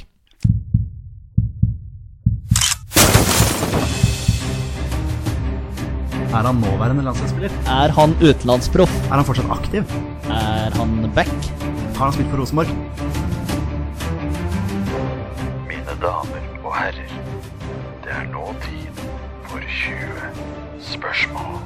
Det er på tide å avslutte dagens episode av podkasten som vi pleier, med en runde med 20 spørsmål. Petter, Torstein og dagens gjest Jonas Giæver har, har 20 ja- og nei-spørsmål på å komme fram til spilleren jeg har funnet fram, og det er da en spiller som har minst én A-landskamp for Norge. Bonusregelen her i Våre bestemenn er at når de gjetter navnet på en spiller, da er spillet over, og de har vunnet eller tapt. Dagens twist, mine herrer, er tre posisjonsspørsmål. Maks. Vær så god, spill i vei. Takk for det. Ok, Jonas. Din Eh, første tanke. Jeg tenker jo at uh, um, Det er kanskje greit å vite om dette her er en som har spilt mesterskap med Norge, jeg, da. ja. For det, hvis, hvis det er et ja på det, så vet vi jo at det er en ganske sånn select gruppe spillere. Ehm, at det, altså det er liksom mellom 94 og 2000. Uh, så det ville vært mitt første spørsmål, tror jeg. Ja.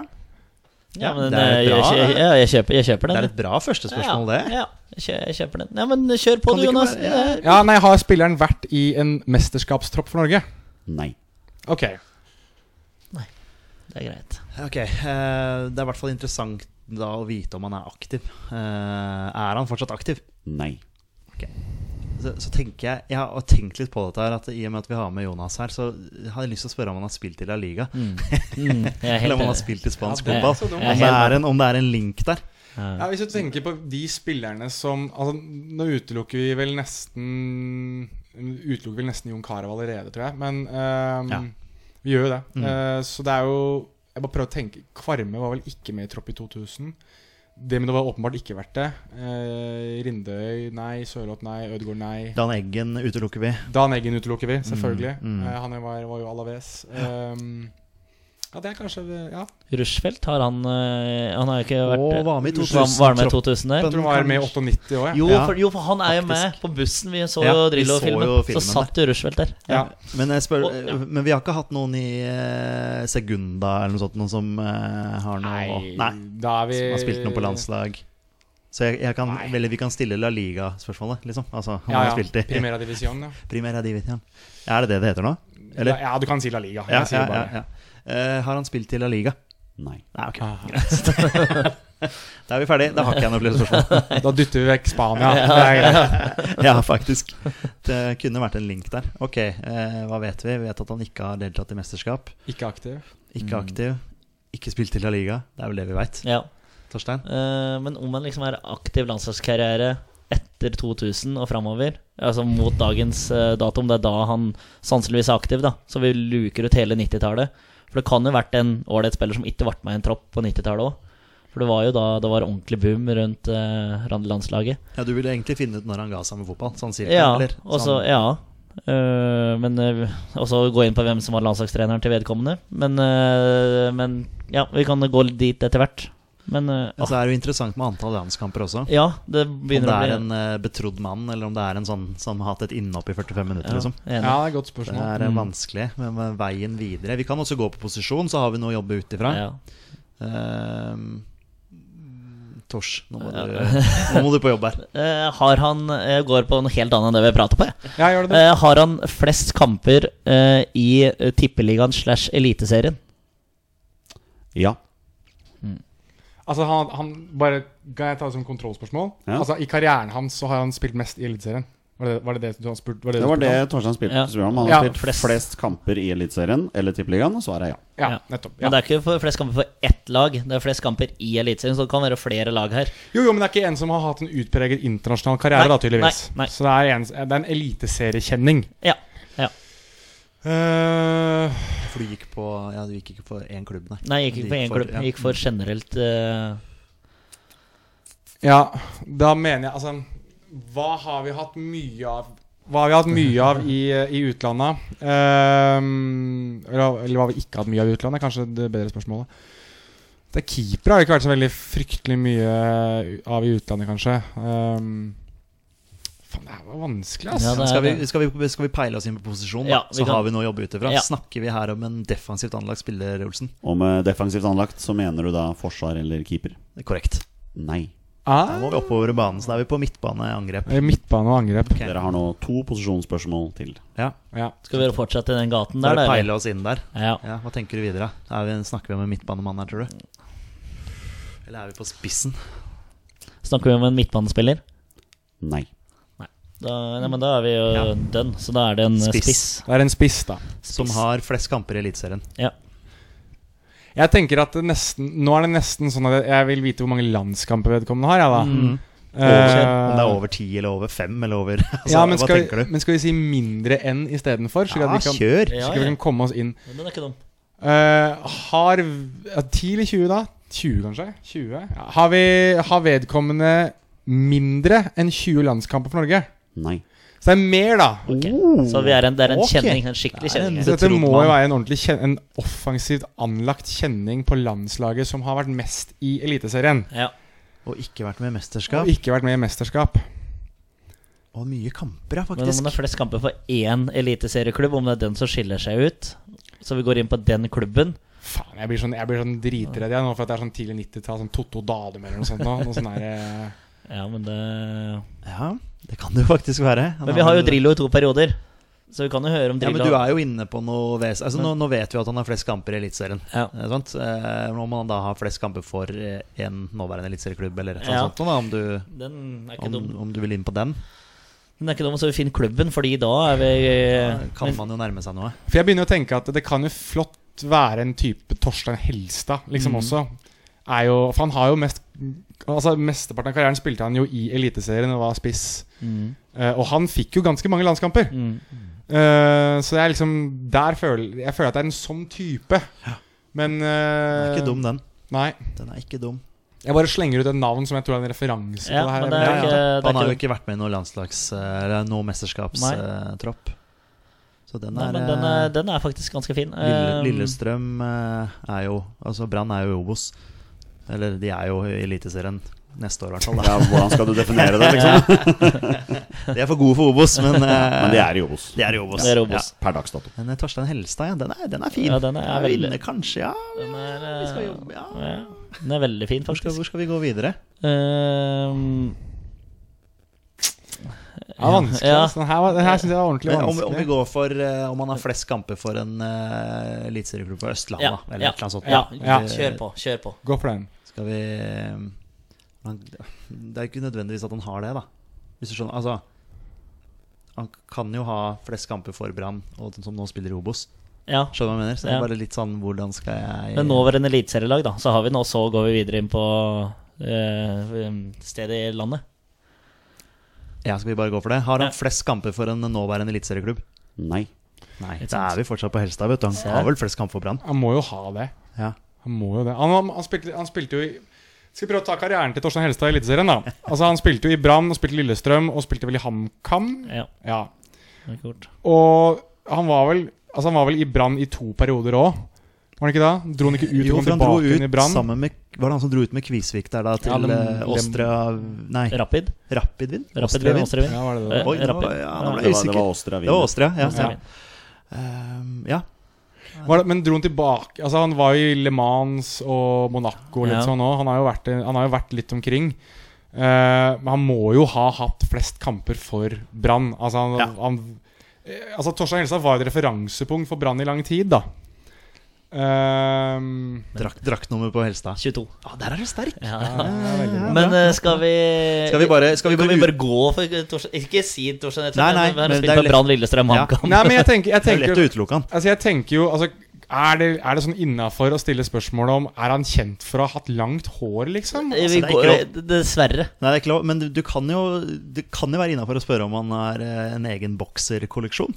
Det, det er absolutt innafor. Det må være innafor å spørre om, for visste du det? At han har egen boksershortskolleksjon? Nei, men jeg føler jo at hvis det er et ja på det, så er det jo åpenbart at det er Torstein Helstad.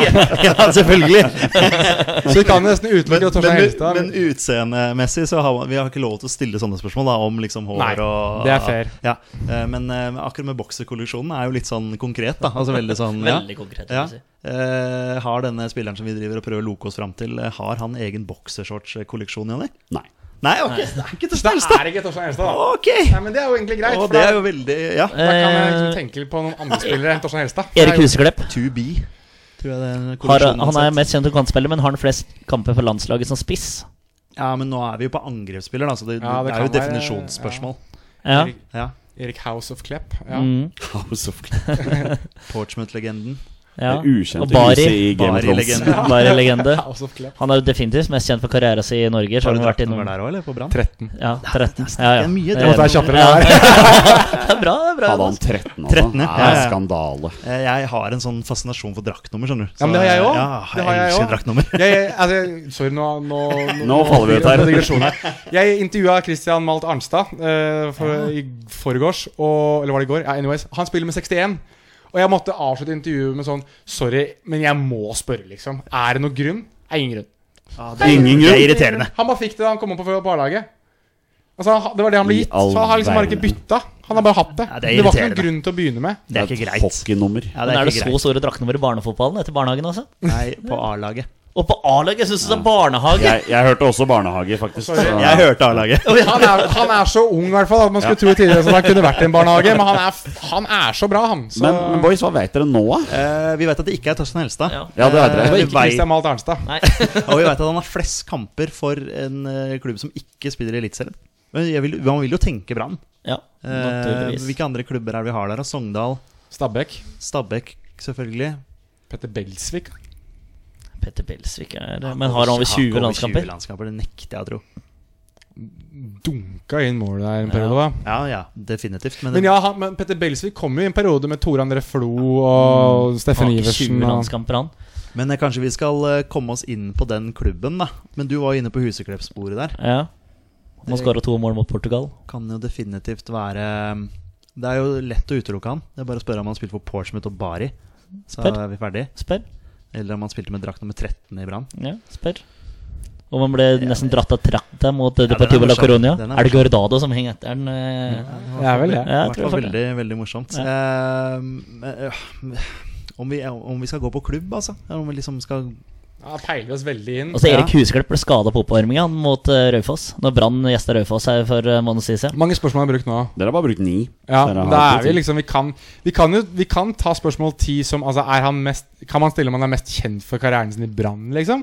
Nei, vi har ikke lov til det. Egentlig ikke, men eh, ja, i og med at vi har gjest, så er det nesten lov. Så er det Er han, sånn, mest, er han mest kjent for å ha spilt klubbfotball i rød drakt? Er vel kanskje i så fall det, det er lov å spørre om. Ja, det er, okay, ok, klart det er en omvei. Det, er- det er fint. Det er jo et par andre lag som du ja. Er han mest kjent for å spille klubbfotballen sin i rød drakt? Ja, det var noe man måtte sjekke, da. Eh, jeg vil si ja. En liten finte der, kanskje. Så det er ti. Da er vi halvveis. Jeg vil si ja. Så det er ikke en klubb i Eliteserien, og de er kjent for å spille i rød drakt. Og da er det liksom Det er kun da Altså Kongsvinger er jo åpenbart Skeid. Er det noe Skeid-link her, da, Jonny? Har du kjørt en liten Skeid eh, Daniel Bråten Åh, den, den der er jo han, Daniel Bråten er jo ikke lenger aktiv. Nei, han er jo ikke det. Og jeg vil si ja. Og, og han er i hvert fall over 20 landskamper. Definitivt. Han er over 20 landskamper. Han er også lett å utelukke. Bare spørre om Har han spilt for Bolten og Vålinga f.eks.? Eller Toulouse. Toulouse. Den klubben han er mest kjent for, Han har også spilt for Brann. faktisk. Det har han også, faktisk. Ja. men mest kjent for å spille i en klubb som ikke er i Eliteserien nå, var det det, var det vi kom til? Ja, Han har fle- flest flest kamper. kamper. Flest kamper for en klubb som, som er i Han er var jo innom Obos. Skeid igjen på slutten av karrieren sin. da han Men har flest kamper Rosenborg, eller? Eller? Ja, men Hvor mange fikk han for Skeid til slutt, da? Ja. Det er sant. Det er jo Ja, for fort han gikk jo ganske tidlig til Rosenborg Men også. eh, Ja, kan jeg bare bli ferdig med Huseklepp? Og så har han uh, scora vedkommende mot Portugal på Ullevål. Ja. Det er ikke Daniel Bråten. Ja, Det var et eh, fantastisk øyeblikk da Karev eh, blokkerte et utspill der, og Huseklepp satte ballen i målet. Ja, sant, ja. Jeg var på den matchen der. Det var, eh, ja, da, da bodde vi i Bergen, husker jeg. Der, eh, så den på, Kokte på Ullevål, så eller? på TV. Kokte noe voldsomt. Jeg var der da vi slo Portugal, og så var jeg der da vi slo Kroatia. Ja. Å, det var gøy. Luka Modric på midten sammen med Ivan Rakitic. Ja. Jo Inge Berge sin store match. Stemmer. Da var han Det var helt da han rå. var, eh, ja, da var da han var verdens beste spiller, ja. faktisk. Skårte ett og et halvt mål. Ja, Det ble vel sjølmålet, det ene der. Ja. Jeg husker blant annet når vi kom inn på Erik Huseklepp Altså Jeg husker den der Cantona-skåringa hans. Ja, mot Og I Telenor Arena. Nei, ja, jo. jo, det var det! Jo, jo, det, var det. Det var det, det, var det Ja, ja, ja, selvfølgelig. For han bommer på åpen mål mot Ålesund og kan sikre seriegullet. Ja, er stemmer det. De skyter i stolpen. Ja, der og Alsaker ja, ja, ja. Nei! Jeg, men jeg husker Alsaker var også sånn Åh, Jeg husker jeg, fy faen da, Men det var Men det er det der, når ballen er i lufta, og den daler over Jon Knutsen Det er sånn Det er den derre Det er den derre lyden der. Er, det du, er, det, du- er det du som er Kasper Foss? Nei, nei, nei. nei. Den, skal jeg ikke ha på meg. Men, eh, men akkurat den der har jeg sett så mange ganger. Se på den da, Nils Johan! Det er vel er Ramiro Corales som tar frispark over eh, Ja, ja, ja. Ja, hvis vi er i Ålesund, men hvis vi er i Nei, vi var, Jeg hvis- tror vi var en liten tur til Telenor Arena liten tur i Telenor. Eh, Har dere noen spørsmål? Ja, vi lurer på om det er ja. Ja, Var det Erik Huseklepp vi konkluderte ja, med jeg tror det. Jeg Er han kjent for å score, mot Norge Eller score for Norge mot Portugal? Ja. Ja, det var Var det. det noen andre målskårere i den kampen? Nei, vi vant 1-0 Ja. Vi gjorde det. eh, på Ullevål.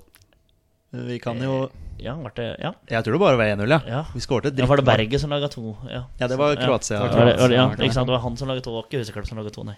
Har han spilt for Portsmouth? Ja, Han spilte for Bari. det har han. Ja. ja, men da Begynner å Det begynner å da er vi der. Nå har vi vært innom litt av hvert. Har han spilt på Fyllingsdalen? Det har han. Da Skal, skal Jonas få lov til å smashe, da? Jonas smasher. Nå har vi lagt opp. Er det Erik Huseklepp? Gutter, det er Erik Husklepp.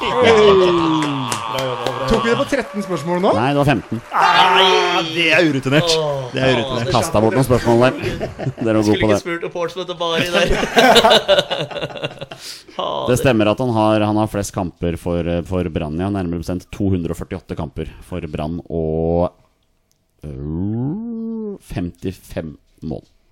Ja. Ja. Det var ikke verdens beste snitt på den, da. Han er også en av få spillere som har spilt aktiv fotball for både Fyllingen og Fyllingsdalen. Ja. Det er ikke så mange. Eh, og så avsluttet da sin aktive proffkarriere i Åsane i Obos-ligaen, men spilte to år for Fyllingsdalen i tredje Mm. Nå en del av trenerteamet til Brann. Stemmer. Ikke sant? Hvor mange landskamper har Erik Husklepp, mine herrer? Hvem kommer 20, nærmest? Eh, nei 25. 25, 13 pluss 13, 26. 26, Jeg går for 31, jeg. 36. Uh, ja, ja. Jonas nærmest, det er greit. Og sy og ja. syv mål. Ja. Ja. Måtte for øvrig også sjekke. Det var en her som nevnte at eh, Petter Belsvik hadde under 20 A-landskamp for Norge. Det stemmer, han hadde null. ja, han var en av de. Ja, men Ah, det var i den perioden hvor du hadde sinnssykt mange gode spisser. Ja. Ja. Men Petter Belsvik Altså det var jo det, Jeg husker jo at Petter Belsvik var Altså Det var noe fordi han hadde rekorden, men han var jo markant målskårer. Men det var liksom det som, som vi var inne på, det var bare så inn i helvete så mange andre spisser vi hadde da. Så han, er vel, han må jo føle seg virkelig snytt av historien. da er det god grunn til. Nå er klokka ti over ti. Jeg har en hund på fanget som prøver å signalisere at jeg vil på tur og tisse. Uh, så det er på tide å avslutte. Jonas Hva er, hva er mellomnavnet igjen? Jonas Adnan, Adnan Jæver. Tusen takk for at du tok turen. Dette har vært veldig hyggelig. tusen takk tusen takk for at du kom. Med. Ja Kanskje besøk en annen gang også. Veldig gjerne. hvis uh, Da skal jeg passe på at jeg tar riktig T-bane opp. Er nå har vi hatt to tredjedeler av La Liga Loca hos oss. Uh, er Magnar Kvalvik landslagsinteressert? Hva, Ja, å ja! ja, ja selvfølgelig. Magnar Kvalvik, jeg elsker han. Ja, ja, vi, vi må fullføre det hat tricket. Ja, det syns jeg Ja, dere det skal. må vi gjøre. Det jeg dere skal. Men i dag så er vi veldig glad for at du kom inn. Så dette har vært kjempegøy. Tusen takk skal du ha. Vi er våre beste menn. Heia Norge. Heia Norge! Heia Norge! Heia Norge. Og hei!